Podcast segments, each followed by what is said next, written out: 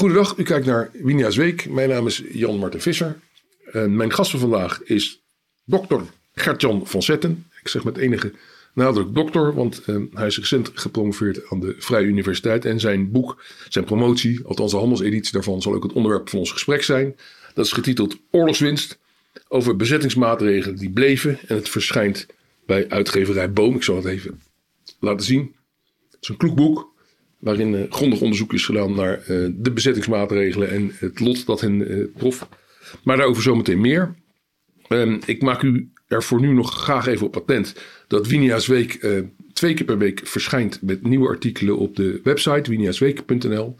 U kunt al deze gesprekken terugzien op YouTube of terug luisteren op de bekende podcastkanalen zoals Spotify of Apple Podcast. Gert-Jan, van harte welkom. Fijn dat je hier wilt zijn en um, met ons gesprek wilt hebben over, uh, over, je, over je onderzoek. Sta mij, sta mij toe je een heel klein beetje te introduceren. Um, je bent een, een onderwijs- en geschiedenisman. Je hebt je carrière, tenminste als ik even met grove lijnen doorheen ga, kun je mooi onderverdelen in 20 jaar de hoofddocent geschiedenis. En 20 jaar als manager um, van een leraaropleiding voor het voortgezet onderwijs. Ja. En daarnaast ben je ook je hele leven blijven publiceren eigenlijk. Dus altijd een publicerend historicus gebleven. Um, ik zal niet je hele oeuvre doorakkeren, maar uh, titels die wel uh, geleerd zijn aan dit onderwerp is een. Uh, dat kan ons niet gebeuren, het dagelijks leven in de Tweede Wereldoorlog, dat je met een aantal andere auteurs hebt geschreven. En ook, ik begreep dat dat een uitvloeisel is van je doctoraalscriptie, een stuk over het lot van de Sinti en Roma in Nederland. Ja. Um, ja, je bent. Um, ik zei, je bent een, een, een zeer jonge promovendus. Um, maar je bent verder, verder ben je 75 jaar. Dat is in de regel, in mijn beleving, niet de leeftijd waarop mensen dit soort kloeken, want een kloek onderzoek is het, afronden. Ja. Dus, mijn eerste, dus daar moet een bijzondere drive ook voor jou achter gezeten hebben, denk ik dan. Dus mijn eerste vraag is van, uh, ja, hoe kwam je ertoe om dit boek te schrijven? Daar ben ik benieuwd naar. Ja, uh, dat gaat heel lang terug. Ik ben uh, als student ben ik heel toevallig met het onderwerp ben ik geconfronteerd. Omdat ik een keer de gelegenheid kreeg om voor vijf guldetjes toen nog uh, de hand te leggen op de complete uh, editie van het Verordeningenblad. Zeg maar het wetboek van de bezetting. Vijf flinke delen, die heb ik mijn leven lang achter me aangesleept. Ik heb ze nou ook nog steeds natuurlijk staan. En bij het doorbladeren van die uh, verordeningen kwam ik toen eigenlijk als uh, student geschiedenis al meteen op de gedachte: wat is daar eigenlijk mee gebeurd na de oorlog?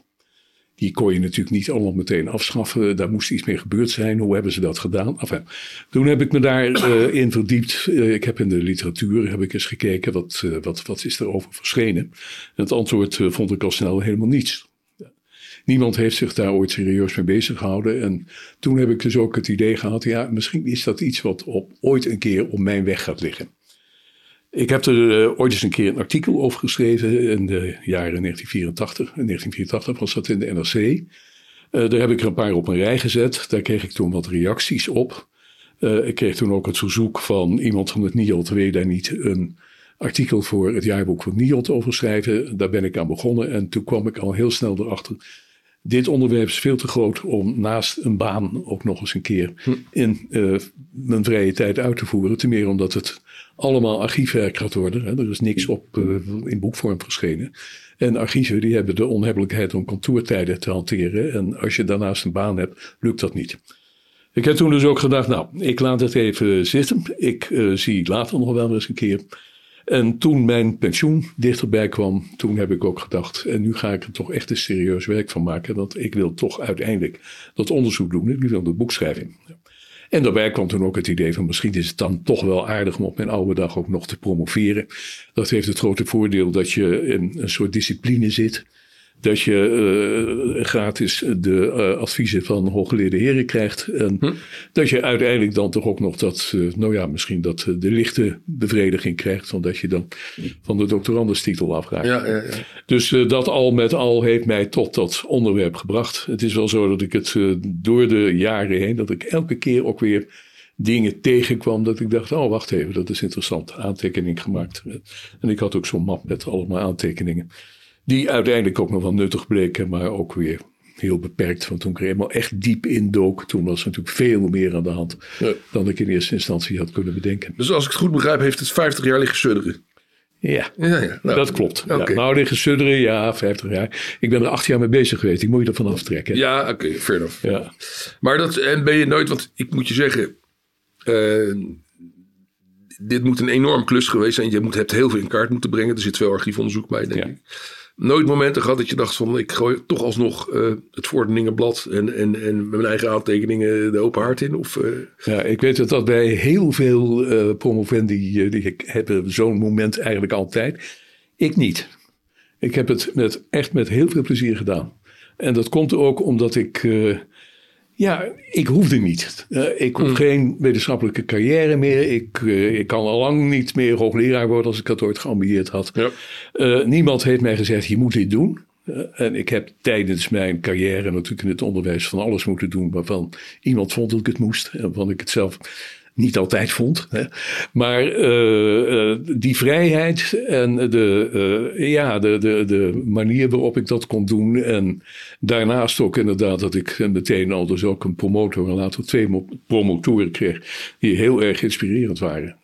Dat heeft er denk ik ook voor gezorgd dat ik het eigenlijk nooit het idee heb gehad. Waar ben ik aan begonnen? Ik wou dat ik ermee. Dat het, ik heb niet eens gedacht, ik wou dat het maar af was. Ja. Sterker nog, toen het eenmaal af was, dacht ik, hm, dat is eigenlijk wel jammer. Ja, nou, Ik was zo lekker bezig. laat je niet remmen. Ja. Nee, nee, nee. Maar Kon er wel. ehm, afgezien van het pak papier met verordeningen dat, dat onder je bed je lag aan te klagen. Wat, wat, wat, wat was voor jou het belang ervan? Waarom vond je dat dit onderzoek gedaan moest worden? Belangrijkste vond ik eh, het feit dat het niemand eerder het had gedaan. Eh, ook belangrijk vond ik eh, dat het een, eh, eh, toch een, een optiek is op die hele periode, die in Nederland toch nog behoorlijk zeldzaam is. Als we het in Nederland hebben over de oorlog en over oorlogsgeschiedenis, dan is het eigenlijk nog steeds. het gaat heel veel over collaboratie en verzet. Ja. Het gaat heel veel over de jodenvervolging. Maar hoe dat nou in Nederland het dagelijks leven, maar bijvoorbeeld ook de hele bestuursontwikkeling in Nederland was in die tijd, daar is gewoon heel erg weinig over geschreven. Ja. Mijn, een, een van mijn promotoren die heeft in de tijd een, een, een, een zeer goed eh, standaardwerk geschreven over de burgemeesters in de oorlogstijd. van- Peter Romein. Dat is een Ja. prima boek waar ik ook veel aan gehad heb. Maar dat is eigenlijk toch maar een van de heel weinigen die de zaak is van een, hele andere kant bekijkt. En dat was voor mij ook het idee van nee, ik doe iets wat niet eerder is gebeurd. En eh, als het een beetje mee zit, dan vul ik ook echt een leemte.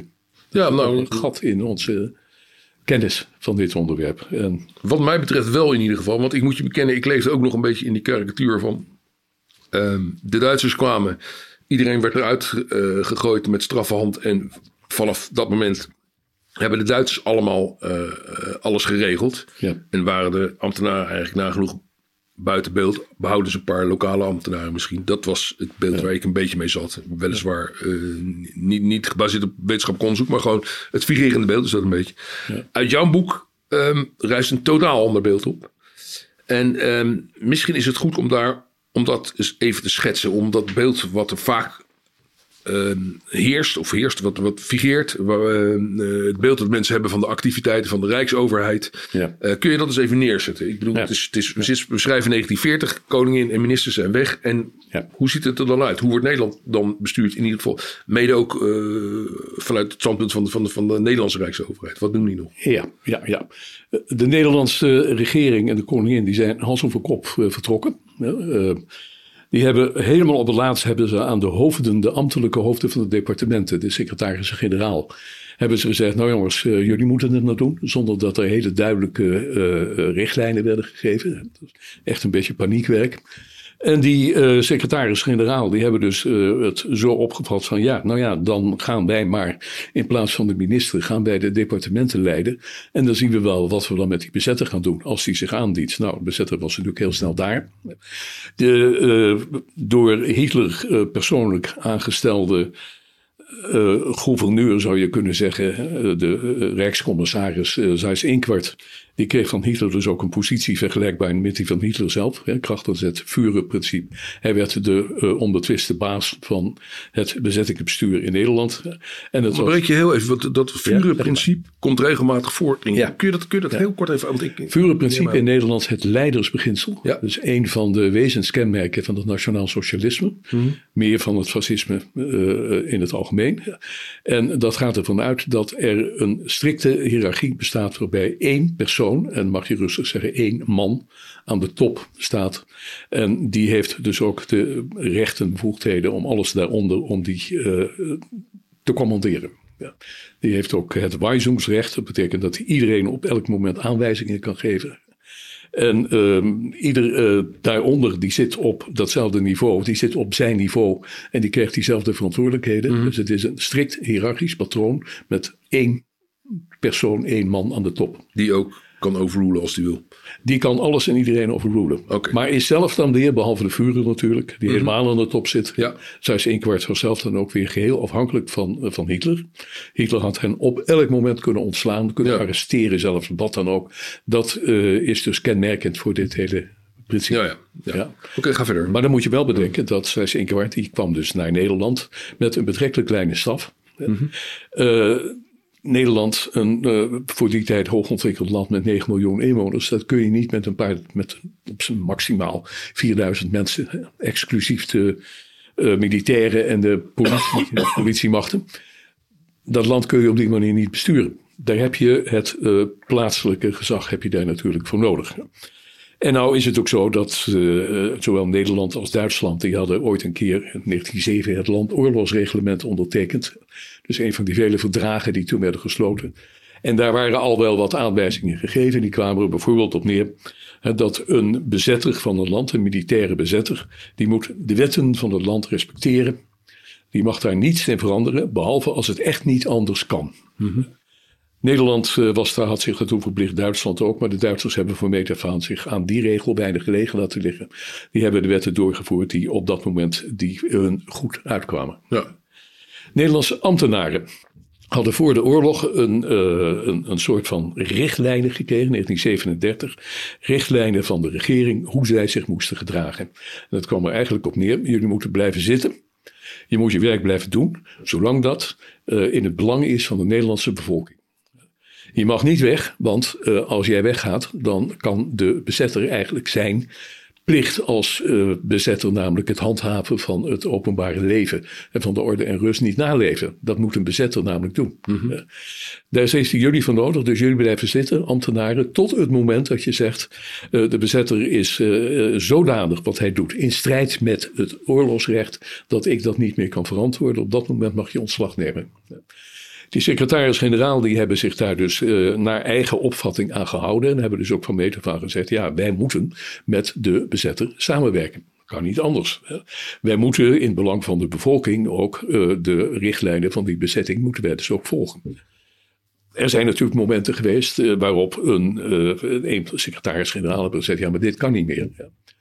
De meeste secretaris-generaal zijn ook in de, een paar uitzonderingen maar, die zijn in de loop van de bezettingstijd dus ook verdwenen. Werden dan vervolgens wel vervangen door een pro-Duitse, al dan niet NSB, niet altijd, maar in ieder geval, mm. in ieder geval pro-Duits, door een pro-Duitse opvolger, die dan meer naar de pijpen van de Duitsers danste. Nederlandse ambtenaren de, uh, onder de secretaris-generaal gold in grote lijnen eigenlijk hetzelfde. Iedereen bleef in principe zitten. Eerste anderhalf jaar van de bezetting leidde dat ook nog niet tot hele erg ernstige fricties. Uh, omdat iedereen het idee had van, nou ja, Duitsers hebben A de oorlog gewonnen. We zullen ons moeten aanpassen. We zullen in een nieuw Europa onze plek moeten weten te vinden. En uh, meegaandheid met de bezetter is daar uh, dienstig voor. Dat werd allemaal anders naarmate de oorlog uh, meer in het nadeel van de Duitsers verliep. Met name na de Duitse inval in de Sovjet-Unie. En nog erger natuurlijk na Stalingrad en na El Alamein en de, uh, de keerpunten van de oorlog. Toen iedereen, ook die ambtenaren, dachten: nou, het kon wel eens een heel andere wending nemen. En het kon wel eens zo aflopen dat uiteindelijk de Duitsers uh, verslagen worden en dan de aftocht moeten blazen. En toen was ook de bereidheid om mee te werken, die is aanmerkelijk minder geworden. Krijg je ook dat gezetsbeweging ontstaan. Hè, dat de uh, ambtenaren dus ook onder druk komen te staan van het verzet van jullie moeten niet zo meelopen met die Duitsers. Mm -hmm.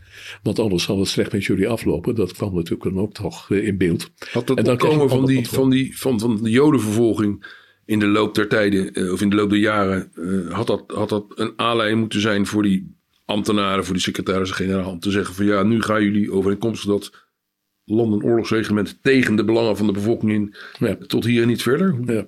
Dat zou voor de hand hebben gelegen. Dat mm -hmm. is niet gebeurd. Een van de redenen waarom dat niet gebeurd is, is dat de Duitsers vrij snel al, nadat de eerste anti-Joodse maatregelen, vrij milde maatregelen nog, de eerste anti-Joodse maatregelen werden genomen, merkten dat de secretaris-generaal daar zeer afkerig van waren. Die zaten er niet op te wachten.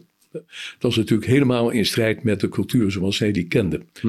Wat hebben de Duitsers toen gedaan? Die hebben op een bepaald moment gezegd: uh, wij gaan met jullie niet praten over de Joden. De Joden maken geen deel uit van de rechtsbedeling van het Nederlandse volk, zoals dat dan letterlijk door Router werd gezegd. Ja. Uh, dat gaat jullie verder niet aan, bemoei je daar maar niet mee, dat doen wij. Wat voor de ambtenaren heel vaak dus ook wel een opluchting was, hè? want dan waren ze van dit vreselijke nare dossier af. Daar zaten ze ook niet op te wachten. Maar dat heeft dus wel als gevolg gehad dat uh, eigenlijk geen uh, secretaris-generaal om die reden het bijltje bij neer heeft gegooid. Ja, dus de Duitsers hebben het dossier gewoon weggetrokken. Hebben het weggetrokken, ja. dat is er toegehaald. Ja. En de Nederlanders hebben dat licht formeel, vind ik, uh, toen als acceptabel. Uh... nou, acceptabel, dat zover wil ik niet gaan. Nee. Kijk, er waren uh, in Nederland natuurlijk verschillende geluiden. Er waren Nederlanders die het helemaal niet erg vonden. Ja. NSB was ook al lang een antisemitische partij geworden. En veel pro-Duitse Nederlanders die dachten, nou, laat ze hun gang maar gaan. Ja. Er waren in Nederland natuurlijk ook nogal wat mensen met een soort, laat ik zeggen, een half verborgen antisemitisme die zich ja. niet heel druk over maakte. Maar er waren evengoed heel veel Nederlanders die het vreselijk vonden. Dat, uh, en een kleine groep Nederlanders die ook echt hebben geprobeerd de Joden te helpen. Kleine groep. Het beeld dat ik nu krijg is van koningin weg, regering, lees ministers weg, parlement ontbonden.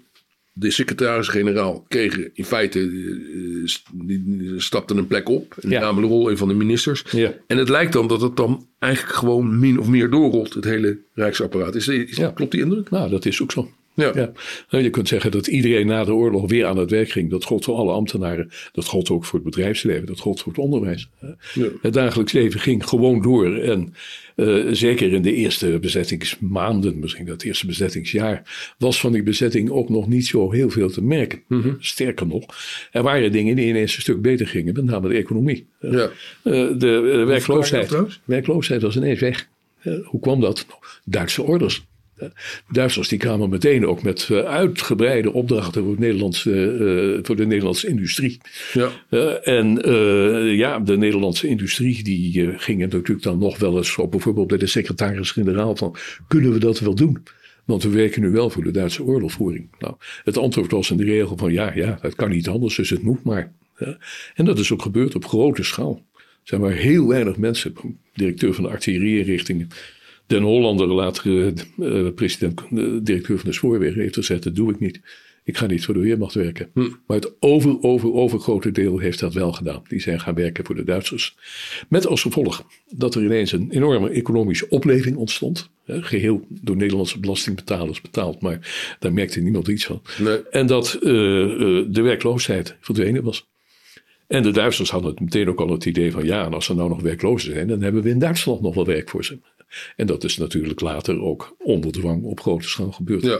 Dat is een latere periode geweest. Uh, ja. um, en ik, ik heb sterk de indruk uit je boek gekregen dat, dat, de, in, dat, dat de regering in, in, in, in Londen enigszins voor spek en bonen erbij zat. De regering in Londen uh, heeft uh, de eerste jaren heeft hij uh, eigenlijk op, in, dit opzicht, en trouwens in heel veel opzichten, geen rol van betekenis gespeeld. De verbindingen waren slecht. De Nederlandse regering was niet op de hoogte.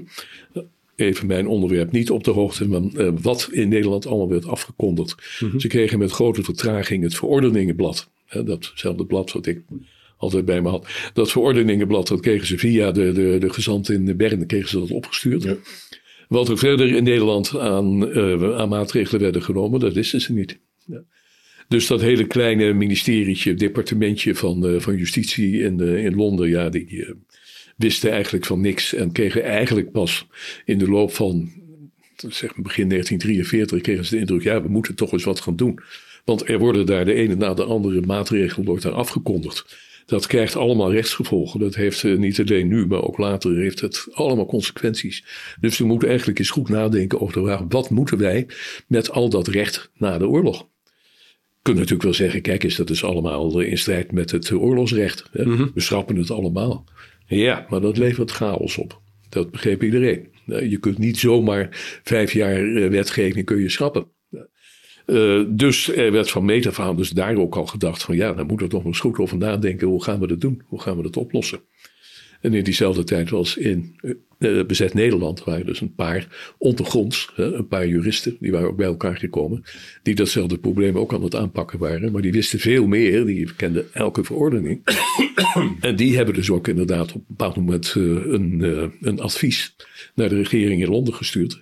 Welke tijd hebben we dat? Dat was voorjaar 1944. Mm -hmm. een, een, advies naar, het, naar Londen gestuurd met, nou, als de Duitsers vertrokken zijn, dan zijn die en die wetten, uh, die zijn er. En dan moeten we dit en dat mee doen. Zeer uitgebreid advies, heel gedegen, goed beredeneerd. ze hadden dat niet alleen met z'n zessen bedacht, maar ze hadden ook een heel netwerk van deskundigen erbij ingeschakeld. Ja. Alleen helaas heeft de Nederlandse regering er niet zo gek veel mee gedaan. Die hebben op eigen houtje een andere regeling bedacht die uiteindelijk natuurlijk ook wel gewerkt heeft. Maar het had een stuk beter geweest, uh, gekund als zij zo verstandig waren geweest om dat Nederlandse advies, om dat van meet af aan als uitgangspunt voor het beleid te nemen. Ja, ja dat, ja. En uh, ja, nou goed, dat is, dat is eigenlijk de, de, de story of your boek, zou ik maar zeggen. Dat, ja. dat het, het uiteindelijk, ja, hoe zal ik het zeggen, het zuiveren van uh, de, de Nederlandse wetgeving van alles wat er in de oorlog gebeurd is. Dat duurt vele decennia lang, tot, tot op de dag van vandaag toe. En ik zeg wel het zuiveren, maar het, uh, lang niet alles is verdwenen. En ook lang niet alles was nee. slecht natuurlijk. Nee. Het is wel zo dat alles is gezuiverd. Ja. Nee. Dat heeft heel lang geduurd. Uh, na de oorlog was het idee, we moeten uh, die, uh, die wet, het is ook een advies geweest van een, in mijn verhaal, belangrijke commissie, de commissie bezettingsrecht. Mm -hmm. Voor een deel bestaande uit diezelfde juristen die in de oorlog al actief waren geweest. En die commissie die heeft dus de regering geadviseerd, uh, onder andere dus ook met een aantal belangrijke wetten, hoe we uiteindelijk dan van die, uh, dat bezettingsrecht af moeten komen. Want dat we daarvan af moesten, dat was wel duidelijk. Je kunt niet eindeloos doorgaan wetten van kracht te laten zijn waar bij wijze van spreken de handtekening van Zijs Inkwart onder staat. Uh, dat is een, een uiterst moeizaam proces geweest. Uh, na de oorlog was er een periode van uh, niet alleen op dat uh, terrein, maar van bestuurlijk behoorlijke rotzooi. Ik kan niet zeggen chaos, maar het ging die kant wel op. Waardoor allerlei bezettingsmaatregelen, ook als die formeel dan afgeschaft waren, nog gewoon doorbestonden. Omdat niemand wist dat ze afgeschaft waren, dat soort van dingen. En toen is onder leiding van die commissie is er dus toch ook een procedure bedacht om uh, netjes af te rekenen met dat bezettingsrecht.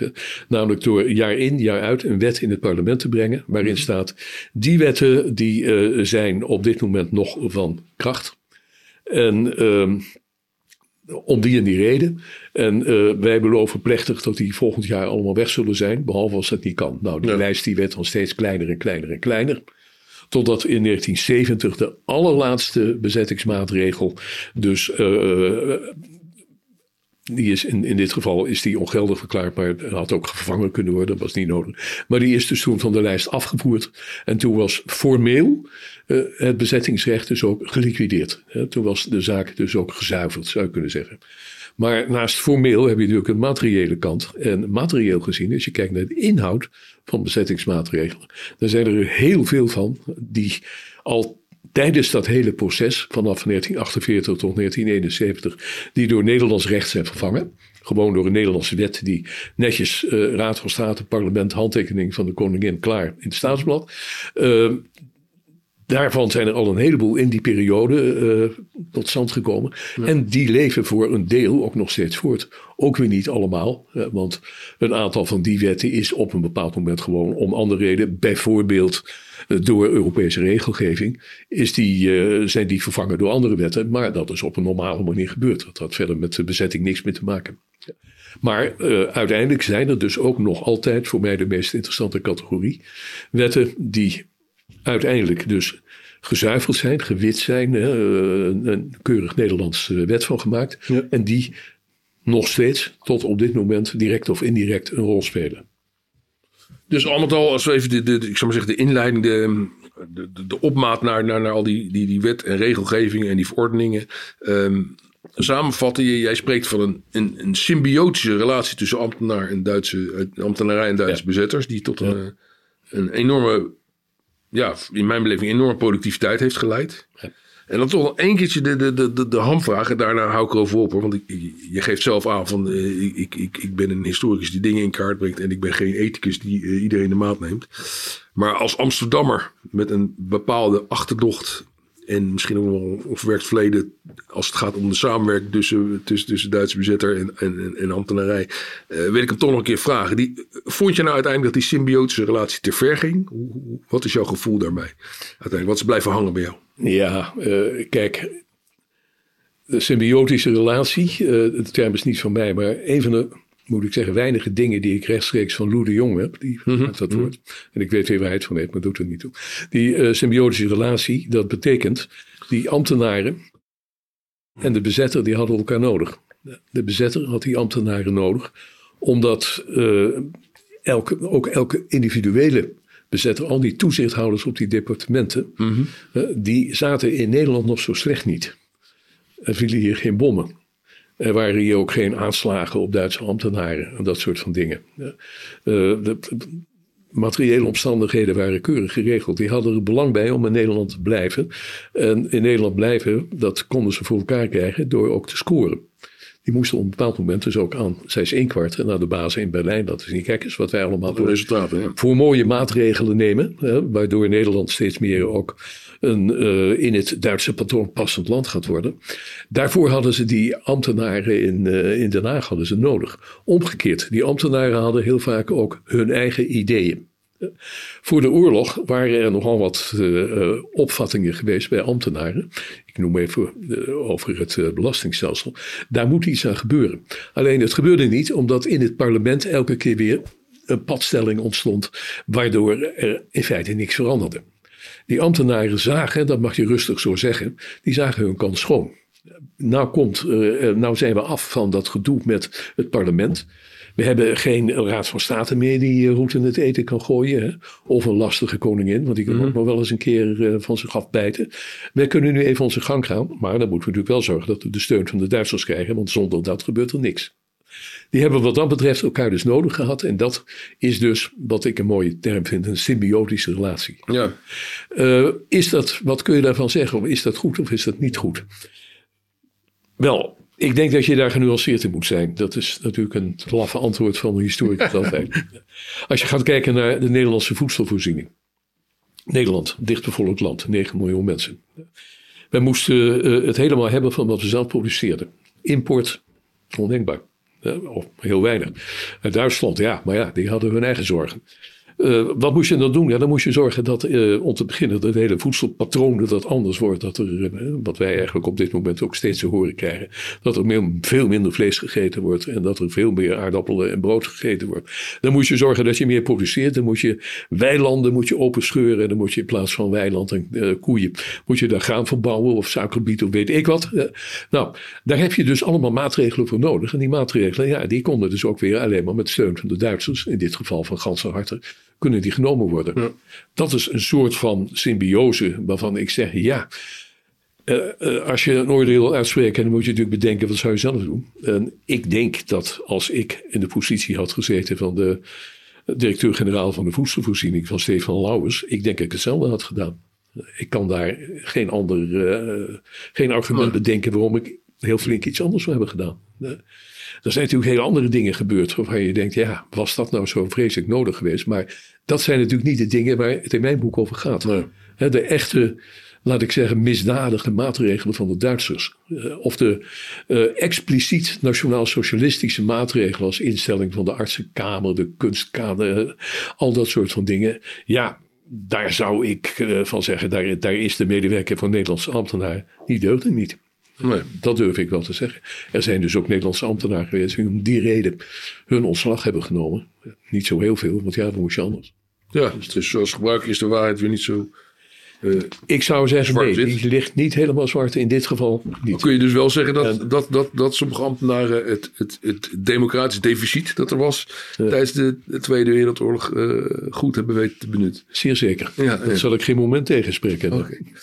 Eh, nou, weet je, laten we eens naar wat concrete eh, dingen gaan. Want jouw boek is voor twee derde gevuld met eh, de, de analyse van hele concrete maatregelen. Ja. Eh, ja, en je hebt daarin het beste overzicht. Dus wat, wat, wat zijn voor jou de meest saillante, belangwekkende eh, maatregelen die er zijn genomen tijdens Ja, de Duitse ja, ja, ja. Noem er een paar. Als ik de belangrijkste moet noemen, moet ik meteen bij vertellen dat ik het daar niet moeilijk mee had. Want er was een buitengewoon goed boek over geschreven al. Dat is de belasting. Het hele Nederlandse belastingstelsel is compleet op zijn kop gezet. Er is bijna niets wat voor de oorlog bestond, wat niet op een of andere manier veranderd is.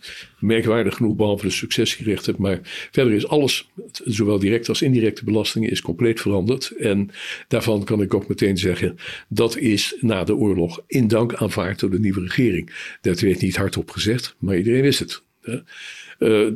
Het belastingstelsel dat onder Duitse druk, direct onder Duitse druk en onder een uiterst capabele Duitse toezichthouder is doorgevoerd. Dat was ten eerste veel efficiënter, effectiever dan het eh, stelsel voor de oorlog. Ja. Eh, het bracht veel meer op. Het was in allerlei opzichten ook veel makkelijker. Hè, met voorheffingen, dat soort van dingen die voor ons vanzelfsprekend zijn. Eh, en het was eh, ten tweede, hoe je het ook went of keert, het was rechtvaardiger uit een oogpunt van de eh, sterkste schouders gingen veel meer de zware lasten dragen. Een progressief belasting. Het was een progressief systeem, dat bestond voor de oorlog ook al, maar dat was niet vergeleken met wat er tijdens de oorlog is ingevoerd. Met de inkomstenbelasting, met de dividendbelasting, nou, de winstbelasting, al dit soort nieuwe belastingen die ingevoerd werden. Dus eh, waarbij bovendien dus ook nog wordt gezegd dat eh, voor de minder bedeelden ook, eh, die werden wel ontzien. Eh, dus daar zit een element in van, eh, ja, sociale rechtvaardigheid. Waar in het nationaal-socialistische Duitsland meer voorbeelden van te vinden zijn. Want het socialisme van het nationaal-socialisme was niet helemaal een, eh, een, een, een leeg begrip. Dus eh, als ik dan dat is eigenlijk hoe je het ook went of keert. In, naar mijn ogen is dat dus het belangrijkste, ook omdat het zo duurzaam is geweest. Nou, als ik dan een tweede moet noemen, dan denk ik zeker aan eh, eh, sociale wetgeving. Ook daar geldt dat onder Duitse druk dat het nogal miserige systeem zoals dat in Nederland bestond voor de oorlog, dat dat zowel gradueel als structureel werd verbeterd. Het eerste wat de Duitse eh, toezichthouder eh, die daarvoor aangesteld was, eh, wat hij heeft gedaan, dat is dat hij de hele magere uitkeringen, zoals hij dat uitdrukte, eh, eh, te weinig om van te, le- te veel om eh, dood te gaan en te weinig om van te leven, die zijn eh, aanmerkelijk opgehoogd. En dat is tijdens de oorlog nog een paar keer gebeurd. Die mensen kregen gewoon meer. En dat is voor met name dus de minst bedeelden in Nederland, die hebben het een stuk makkelijker gekregen wat dat betreft. En verder ook hele structurele maatregelen. En dan is een hele belangrijke, overigens ook al eh, eerder ook eh, beschreven hoor. Ehm, dat is de invoering bijvoorbeeld van het ziekenfondsenbesluit. Voor de oorlog was ehm, eh, een heel groot deel van de Nederlandse beroepsbevolking was niet verzekerd. Je kon je vrijwillig verzekeren. Er waren alle mogelijke soorten van ziekenfondsen. Eh, maar een heel groot deel van de bevolking die was niet verzekerd. Niet tegen eh, ziekte en ook niet tegen ziekteverzuim. Dus ook de inkomstenderving door ziekte. Zoek het maar uit. Ja. Wel, daar is eh, eh, tijden voor de oorlog al flink over gepraat. Iedereen eh, van goede willen, zal ik maar zeggen, in het parlement. Die zei, ja, dat kan natuurlijk niet. In het buitenland is dat veel beter geregeld. Maar waar liep het dan op stuk? Omdat de confessionele partijen zeiden, we willen wel ziekenfondsen, maar wel onze eigen ziekenfondsen. We willen protestants-christelijke ziekenfondsen of katholieke ziekenfondsen. Socialistische voor mijn part. Maar we willen dan onze eigen ziekenfondsen. En de Duitsers hebben meteen gezegd: nee, dat wordt niks. Die waren sowieso sterk afkeren van de verzuiling. Dat wordt helemaal niks. Wij willen één nationale ziekenfondsenregeling. En die hebben ze doorgeduwd. Na de oorlog gehandhaafd.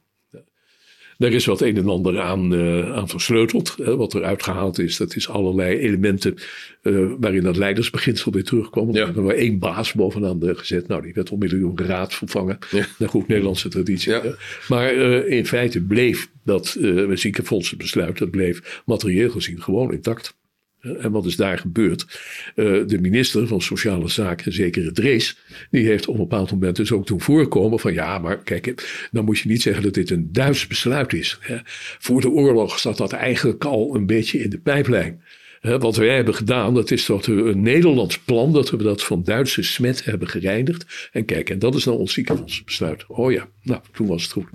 En, en, en wat vind jij, want, want wat me opvalt is in ieder geval in de, in de maatregelen die ik tot op heden heb geschetst, is dat ze eigenlijk zeer sociaal, om, om niet te zeggen socialistisch zijn. Ja, ja. En, en um, dat is iets wat wij in de regel, wij Nederlanders, graag claimen als, als een mooie, mooie voortbrenging voor onze wederopbouwperiode. Ja, toen wel. Ja. ja Tijdens onze wederopbouwperiode heeft Nederland een, een verzorgingsstaat op poten gezet die weliswaar nou niet uniek was. Echt niet hoor. Dat is ook wel eens overdreven. Maar in elk geval die, die, er, eh, die, er, die er goed mee door kon, laat ik het zo mm zeggen. Ja. Maar uh, ja, e-, een van mijn stellingen is dat de Duitse bezetting een flinke duw in die richting heeft gegeven. Ja. Kijk, die was er zonder de Duitsers ook wel gekomen. Die is namelijk overal gekomen in, met ons vergelijkbare landen. Mm -hmm. uh, Zwitserland kreeg uiteindelijk ook zoiets. Zweden hadden al eerder zoiets bedacht. Maar in Nederland, wij liepen wat dat betreft gewoon in zekere zin achter. En uh, ik denk dat de duw van de Duitsers, hè, de zweepslag van de bezetting heb ik het genoemd, een beetje dramatisch, maar dat dat in elk geval dus echt geholpen heeft om na de oorlog in een betrekkelijk korte tijd die verzorging, die sociale verzorgingsstaat, om die tot stand te brengen. Ja. Die belasting hielp ook behoorlijk, om maar eens een kleinigheid te noemen. Ja. Inkomsten van de staat waren veel groter. Uh, de uitbreiding van het overheidsapparaat tijdens de oorlog mm -hmm. is enorm uitgebreid. Ja, zou... is na de oorlog al een beetje van teruggehaald, maar uh, lang niet terug naar het niveau van 1940.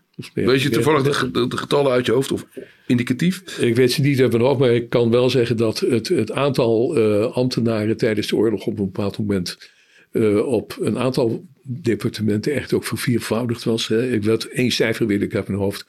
Dat uh, bij landbouw uh, en bij uh, economische zaken, dat die op een bepaald moment een personeelsbestand hadden van 50.000. En voor de oorlog moet je dat denk ik door vijf delen zo ongeveer. Oké, okay, dus dat is een dus enorme toename. Enorme uitbreiding, waarbij ik dan wel moet vertellen dat dat voor een deel ook wel een soort van, ja, een, een, ik wil niet zeggen werkverschaffing. Maar ook wel een mogelijkheid om mensen te onttrekken aan de arbeidseinsatz. Ja. Of dus niet in Duitsland te gaan werken, dat speelde mee. Maar alleen die voedselvoorziening al. Hè, moet je bedenken, dat hele distributieapparaat. Ja. Wat daarvoor nodig was. De controle van de, van de landbouw en de veeteelt, wat daar allemaal voor nodig was. Dat waren gewoon ook echt heel veel mensen die daar heel veel uh, werkzaamheden moesten verrichten. Nou, daarvan is na de oorlog ook een, op een bepaald moment was die, die, die benoodzaken niet meer. Distributie is geleidelijk aan afgebouwd en dat aantal ambtenaren is afgenomen. Maar het uh, totaal aan ambtenaren is natuurlijk daarna is alleen maar weer toegenomen. Dus de macht van de staat en uh, de, het bereik van de staat ook, de, wat, waar de staat zich allemaal mee bemoeide, is tijdens de oorlog enorm toegenomen en dat is na de oorlog is dat doorgegaan. Maar als een soort tussenstand kun je in ieder geval zeggen van um, uh, de verzorgstaat, zoals die na de oorlog is, is opgebouwd, ja. is voor een belangrijk gedeelte door de Duitsers geïnitieerd, dan wel enorm in een stroomversnelling gebracht. Ja, ja beide. In sommige gevallen geïnitieerd. Ja. In andere gevallen in een stroomversnelling gebracht. Dat is een heel juiste uitdrukking, inderdaad. Ja. Dat, ja. Wat bij zelf opviel, minder veelomvattend wellicht, maar toch wel saillant is bijvoorbeeld dat, dat Duitsers ook uh, uh, veel te maken hebben met de manier waarop wij op, nou met bijvoorbeeld uh, de brandweer en de politie zoals die nu zijn, Zeker. zijn ingericht. Zeker. Ja, ja, ja, ja. Ja, politie, een beroemd voorbeeld. politie voor de oorlog in Nederland, dat was een rommel. Dat er allerlei verschillende soorten van politiekorpsen. Uh, grote, of elke gemeente had zoiets van een eigen korps. Dan had je nog een soort veldwacht. En Marchaussee die dribbelde daar nog tussendoor met een geheel eigen politietaak. Uh, Voor de oorlog al voortdurend ook. En eigenlijk al heel lang, eigenlijk vanaf 1850 al. Uh, is er dan een eindeloos touwgetrek tussen Binnenlandse Zaken en Justitie. Over wie gaat eigenlijk over de politie? wat is de verantwoordelijkheid van de burgemeester, commissaris van de koningin? En ze kwamen er niet uit. Uh, nou, de Duitsers uh, maakten daar korte metten mee. Van meter af aan heeft uh, de Duitse bevelhebber van de Nederlandse politie, dat was Rauter, beruchte naam. Ja. Rauter die heeft dus ook meteen gezegd, ja dat gaan we toch even heel anders doen. En die heeft dat dus ook in een zeer korte tijd, heeft hij die Nederlandse politie heeft hij zeer hardhandig gereorganiseerd. En ook daarvan is na de oorlog veel overeind gebleven. Niet alles. Uh, vlak na de oorlog is dus wel die oude tegenstelling tussen binnenlandse zaken, die dan over de, de openbare orde ging, ja. en justitie uh, over de rechtshandhaving, die, uh, die, die, die strijd is weer opgelaaid. je hebt toen ook weer gemeentelijke korpsen gehad. Tot niet zo heel lang geleden, ja. onder opstelten, toch weer eigenlijk de laat ik zeggen, de droom van Rauter toch weer gerealiseerd is. Ja? Hebben we toch weer een nationale politie gekregen. Ja. Brandweer een beetje hetzelfde verhaal. En dat vind ik ook het geestige ervan, vind ik. Dat begon eigenlijk al, de Duitsers hebben, zoals je weet, Rotterdam gebombardeerd. Kwamen daarna in Rotterdam en zeggen, wat is dat voor een zooi hier? Kan dat niet wat beter worden aangepakt? Waar is die brandweer eigenlijk? Wat, uh, wat zijn jullie hier aan het doen? Toen is er een... Het was vrijwillig al toen, hè? Het was voor het, het, nagenoeg vrijwillig, ja, niet helemaal. Maar kijk, beter, de, de luchtbescherming iets beter georganiseerd met de brandweer. ja, dat was een amateuristische troep. En uh, het kwam er al te vaak voor dat uh, de kraan niet op de slang afsloot en de pomp niet werkte, weet ik wat allemaal. Dus ook dat is dus onder, uh, onder toezicht van Router, is dat krachtig aangepakt. En daarvan kun je zeggen, ja, dat hebben ze na de oorlog ook weer in dank zo gelaten zoals het was. Het werkte zoveel beter en het was zoveel professioneler. En ja, eigenlijk zag niemand de reden om nou maar weer terug te gaan naar die troep van voor de oorlog. En bij de mhm. politie ook niet. Dus daar zie je ook dat dat zit dan helemaal niet in de sociale hoek, maar meer in de hoek van de, van de organisatie en van het, van het binnenlands bestuur. Daar is het uh, toch ook stevig aangepakt. Maar misschien, dat is ook wel één waar ik uh, zelf ook eigenlijk niet zo op verdacht was. Ja. het hele idee, de, de, rechtsbescherming. Bijvoorbeeld ontslagbescherming. Ja. Uh, voor de oorlog amper aanwezig. Je kon heel makkelijk van iemand af. Je hoefde niet naar de rechter om ontslagvergunning te krijgen uh, tijdens de oorlog uh, veranderd. En ook na de oorlog zo gelaten. Ja. Uh, huurbescherming. Je kon van een huurder kon je vrij makkelijk afkomen. tijdens de oorlog veranderd. je gaat maar eerst naar de rechter als je van iemand af wil. En er zijn vaste gronden waarop je van een huurder af kunt komen. En anders dan blijft die huurder zitten. Pachtbescherming. In Nederland ook een onderwerp waar eindeloos over touw getrokken is. Uh, hoe zit het met de rechten van de pachter? Nou, die waren aanvankelijk uh, de late jaren van de 19e eeuw. Die waren minim. Die kon om de tien jaar kon hij weer van zijn pachter afgezet worden. met alle nadelige gevolgen van dien ook voor de landbouw als, geheel. En voor de oorlog wel al iets geregeld, maar nog niet echt goed tijdens de oorlog. Prima wetgeving met pachtkamers na de oorlog gehandhaafd. Dus dat zijn ook van die dingen waar je zegt, ja, heeft niet direct iets met nationaal socialisme te maken. Het heeft meer iets te maken met toch wel een soort behoorlijk bestuur. En dat is gek dat je dat dan uitgerekend in zo'n tijd waarin aan de andere kant zo verschrikkelijk veel onrecht en, en gewelddadig bestuur in Nederland bestond, dat dat dus op een of andere manier samen is gegaan. Ja, je spreekt, noemt de term ook, uh, wat is het, doppelstaat? Of doppelstaat, ja, ja, ja, ja term van een, uh, een Duitse uh, geleerde van voor de oorlog, of tijdens de oorlog. En die daarin beschrijft uh, de situatie zoals die in Duitsland ontstond na 1933. en hij zegt, het is aan de ene kant, is het, een, is het nog altijd een staat die, waar geregeerd wordt op basis van wetten. Van netjes keurig tot stand gekomen wetten die uitgevoerd worden. En waar je bij de rechter je recht krijgt. Mm Ook tegenover de overheid. Aan de andere kant is het een maasnamenstaat. Is een staat waarin iedereen zomaar uh, de top, Hitler uh, het meest van allen, eenvoudigweg dingen door middel van een maatregel, van een decreet kan bevelen. Waar iedereen uh, op bevel van, van welke potentaten ook van zijn bed gelicht kan worden en naar een concentratiekamp kan worden gesleept. Of meteen een nekschot krijgt. Naast elkaar. En dat is natuurlijk iets heel vreemds. Ja. Dat was in Nederland vroeger natuurlijk absoluut niet het geval. Dat was een rechtsstaat. En die, die achtergrond van, van bijvoorbeeld, je, je schetst net een aantal zeer sociale uh, maatregelen, zoals betere arbeidsbescherming, of ja. bescherming van je positie. Ja. Zaten daar nou hele snode bedoelingen achter? Of waren dat gewoon consequenties van, het, van de nationaal-socialistische ideologie? Er zaten in zoverre snode bedoelingen achter dat uh, eh, Sijs Inkwart van Hitler de expliciete opdracht had gekregen in Nederland, broedervolk, hè, anders dan uh, de Oekraïners, ik noem maar wat. Het broedervolk Nederland moet een plaats krijgen in het groot-Duitse Rijk van de toekomst. Of het nieuwe Europa, hoe je, dat wist hij ook mm niet precies. Uh, en daar is voor nodig dat Nederland dus ook uh, met fluwelen handschoenen wordt gewonnen door het nationaal socialisme. We gaan niet meteen dat met dwang opleggen, maar we proberen de Nederlanders te verleiden om voor dat nationaal socialisme te kiezen. En vandaar dat de eerste Duitse maatregelen, dat dat ook hele milde maatregelen waren. Het begon omdat Hitler de Nederlandse krijgsgevangenen weer naar huis stuurde. En dat deed hij lang niet altijd. Dus, uh, en alle, uh, allerlei maatregelen, zoals in mijn boek beschreven, mhm. daar zat dit element ook wel achter. Het is niet voor niks dat uh, de NSB, die overigens daar min of meer buiten werd gelaten, dat die voortdurend ook goede sier probeerde te maken met dit soort maatregelen. Van kijk eens, uh, nationaal socialisme, nu krijgen we eindelijk ziekenverzekering. Uh, of nu krijgen we eindelijk een rechtvaardig belastingstelsel. Of nu krijgen we eindelijk een, een, een, betere sociale verzekeringen op allerlei terreinen. Ook met het idee van, ja, dan zullen veel Nederlanders toch wel eens denken, nou ja, dat is eigenlijk dat nationaal socialisme. Het is zo gek nog niet. Dus dat zat erachter en dat zou je een snode opzet kunnen noemen. Hm. Moet ik wel bij vertellen dat er nogal wat uh, Duitse ambtenaren in Nederland waren. Hè? Bijvoorbeeld de man die de, uh, het ziekenfondsbesluit heeft doorgeduwd. Dat was een heel sociaal voelende man. Die man die kwam uit de arbeidersbeweging in Duitsland. Was wel een nazi. maar een natie, ja, met een sterk socialistische inslag. En die was ervan overtuigd dat Nederland dus ook een uh, ja, een, een, sociale verzorgingsstaat moest worden. Zoals uh, dat voor Duitsland ook de bedoeling was om dat na de oorlog ervan te maken.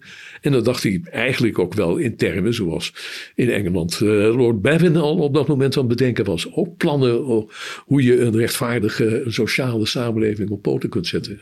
Die dingen die lopen niet voor niks ook toch een beetje parallel. En als je nou um, de gruwelijkheden die er waren die, die, en die al vrij snel uh, uh, bij, uh, bij de departementen werden weggehaald. Ja. De jodenvervolging, maar ook de, de, de, de, de, richting het verzet. Als je die, die daar gelaten, um, heb je dan nog andere maatregelen waarvan je zegt, van, die, die wij spreken nog een tijd door zijn gaan naar de oorlog, die, die, die je wat dubieuzer vindt? Dat je denkt van nou, niet heel prettig, of daar vind ik, er zit wel erg op een, op, op een onprettige manier nationaal-socialistische geur aan. Nee, daar kan ik eigenlijk geen voorbeeld van, uh, van bedenken. Nee, kijk, uh, er, is, er is heel wat te, natuurlijk te doen geweest na de oorlog over die maatregelen die voorlopig gehandhaafd waren. Mm -hmm. En uh, daar is bij de handhaving kwam het nog wel eens voor dat um, uit het parlement ook werd gezegd: ja, maar dit lijkt me toch echt nog iets te veel op een Duitse maatregel. Ik zal een paar voorbeelden geven. Uh, de landdrost. Mhm. Die aan het hoofd werd gesteld van de Noordoostpolder. En die na de oorlog is gehandhaafd. Han Lammers, weet je nog? Handrost van de Zuidelijke IJsselmeerpolder. Daarvan werd tijdens de uh, behandeling in de Kamer gezet. Landrost, dat is toch eigenlijk een beetje een. Hè, dat woord alleen al, dat doet wel een beetje aan de NSB denken, die albollige term. Ja, uh, die landrost, ja, het, het, is dat nou niet eigenlijk veel te veel ook nog uh, een, een, een, verschijnsel van het vurenprincipe? nou ja, dat zou je als voorbeeld kunnen noemen. En Han Lammers heeft overigens meteen ook een soort van raad om zich heen gemaakt, een ander verhaal. Maar ik kan er nog geen eigenlijk wel noemen, waarvan dat na de oorlog ook wel aangevoerd is. En je kunt ook wel zeggen met enig recht ook wel. Dat is de manier waarop de grote staatsbedrijven tijdens de oorlog toch wel hebben geprofiteerd van de bezetting. of ze dat nou uit eigen beweging deden of dat ze dat zoals de PTT door de Duitsers een min of meer toegeschoven kregen. Dat is even een ander verhaal, maar ze hebben na de oorlog wel allemaal vastgehouden. Ja. het hele monopolie over het telefoonsysteem heeft de PTT gekregen. Telefoon, het monopolie over de draadomroep, inmiddels verdwenen, maar na de oorlog nog heel belangrijk. Ja. Dat gaat allemaal naar de PTT. En na de oorlog is in de Kamer ook weer gezegd, nou, nou, we moeten nog een beetje uitkijken. Hè? Dat is, in feite is dat oorlogswinst. Ja. PTT. Idem dito de Nederlandse spoorwegen. Die uh, tijdens de oorlog een rol hebben, tijdens de bezetting een rol hebben gespeeld waar je sowieso grote vraagtekens kon bijzetten. Ja. want ze hebben zonder uh, morgen hebben ze alle transporten van de Nederlandse Joden naar Westerbork en later in de richting van de vernietigingskampen hebben ze uitgevoerd. En daar goed aan verdiend, meen ik. Wat zeg je? En daar goed aan verdiend. En daar natuurlijk aan verdiend. En ja. gewoon voor betaald. Uh, maar ze hebben ook, en dat is veel minder bekend, ze hebben ook tijdens de oorlog, dus ook van, van de omstandigheden gebruik gemaakt om flinke delen van het autobusvervoer naar zich toe te halen. En dat is na de oorlog is dat uh, nog heel lang zo gebleven. Ja, dat is nou allemaal verdwenen. Maar het is een hele tijd uh, waren uh, de be paar belangrijke, de meeste belangrijke Nederlandse streekvervoerbedrijven, dat waren dochterondernemingen van de Nederlandse spoorwegen, de NACO, de NBM, de NZH, noem ze maar op. En daarvan kun je dus ook wel zeggen, dat zou zonder de bezetting anders heeft gelopen. Dus daar is een element van bezettingswinst, is daar dus ook wel. Ja, in negatieve zin het woord. In, in zekere zin negatief. Ja. Je kunt ook wel zeggen dat dat nou ook weer niet zo erg was. En vooral bij de PTT kun je wel zeggen dat dat. Hè, die, die versnippering van het telefoonsysteem, ja, dat was waarschijnlijk anders ook wel veranderd. Maar uh, ja, het, het, toch het, uh, het naar zich toe halen. Uh, het, het verbreden en vergroten van die staatsbedrijven, ja, dat, daar zit een negatief element in. En dat is wel een element wat zijn wortel heeft uh, in de bezettingstijd. Goed, um, om eens tot een voorzichtige afronden te komen. Um, wat me nu, het beeld voor mij oprijst, is dat eigenlijk in die, in die oorlogsjaren, als het gaat om de, de maatregelen die zijn genomen, um, een dat eigenlijk heel veel van onze sociale zekerheid en, en de rechtsbescherming, dat, dat hele belangrijke verbeteringen, ja. niet zozeer na de oorlog zijn geïnitieerd, maar tijdens die oorlog zijn geïnitieerd, of daar, als ze er al lagen, in een, um, in een, in een soort stroomversnelling zijn gekomen. Maar jij zegt ook al in je boek van ja, heel veel van die initiatieven waren echt wel initiatief van de bezetter. Er waren initiatieven van de bezetter, zeker. Hè, waar Nederlandse ambtenaren partnodelen aan hadden. Dus klopt het dat dat wij ons misschien, als het gaat om, om, om, om de verzorgingsstaat, het, het, het, het verlenen het, de, de, de, en de daarin ingebedde sociale zekerheid en rechtsbescherming, eh, dat we ons daar wat minder voor op de, zelf voor op de borst moeten slaan. En dat heel veel ook gewoon te danken is aan, aan, aan die oorlogstijd. Ja. Met alle, waar ook alle gruwelijkheden. Alle gruwelijkheden van dien. En uh, ja, ik, ik herhaal dat altijd weer. Je kunt niets heeft opgewogen tegen de moord op meer dan 100.000 uh, Joden. Nee. Dat, daar zou je uh, al deze, deze winstpunten kun je daar. Je, kijk, je kunt niks tegen elkaar afstrepen op dit punt. Dat heeft Nee. geen enkele zin. Maar in elk geval nooit zal ik zeggen dat dat tegen, op een of andere manier tegen elkaar afweert. Natuurlijk niet. Nee. Maar je kunt even goed wel zeggen: kijk. En ik zeg dan ook wel eens: gelukkig maar dat die toch voor de meeste mensen buitengewoon onaangename bezettingstijd. Dat er ook nog iets goeds uit is voortgekomen. Ja. En ja, uh, het zou inderdaad ook, denk ik, ook, een, ook puur rechtvaardig zijn als je zegt, ja, dat hebben we niet alleen maar zelf bedacht. Daar hebben we tijdens de oorlog ook wat, uh, ja, wat hulp bij gehad. Waar we natuurlijk niet op zaten te wachten, maar die wel kwam. Ja. Nou ja, en, En waar we na de oorlog tevreden over waren. En dat moet toch ook wel worden vastgesteld. ja, Dat, nou, enige bescheiden, net zo min als dat we um, in de oorlog allemaal verzetshelden waren. nee, dat waren, Net zo min hebben wij alles, uh, alles, alle ingrediënten van de, van de, van de verzorgingsstaat zelf bereikt. Nee, die hebben we niet allemaal zelf bedacht. Nee. Ja. nee. Er waren natuurlijk andere bronnen ook hoor. Engeland was ook een voorbeeld. Maar, maar in elk geval, uh, de bezetting en een aantal Duitse maatregelen heeft absoluut geholpen. Goed, dan wou ik het uh, daarbij laten. Niet nadat je, dat ik jou nog een keer vraag van... Je maakt nog steeds een vitale en nieuwsgierige indruk. Ja. Dus uh, staat er alweer een, een nieuw onderzoek op stapel? Of, uh... ik, ik denk na over, over nieuw onderzoek. En ik heb één iets in mijn hoofd waarvan ik al een titel heb.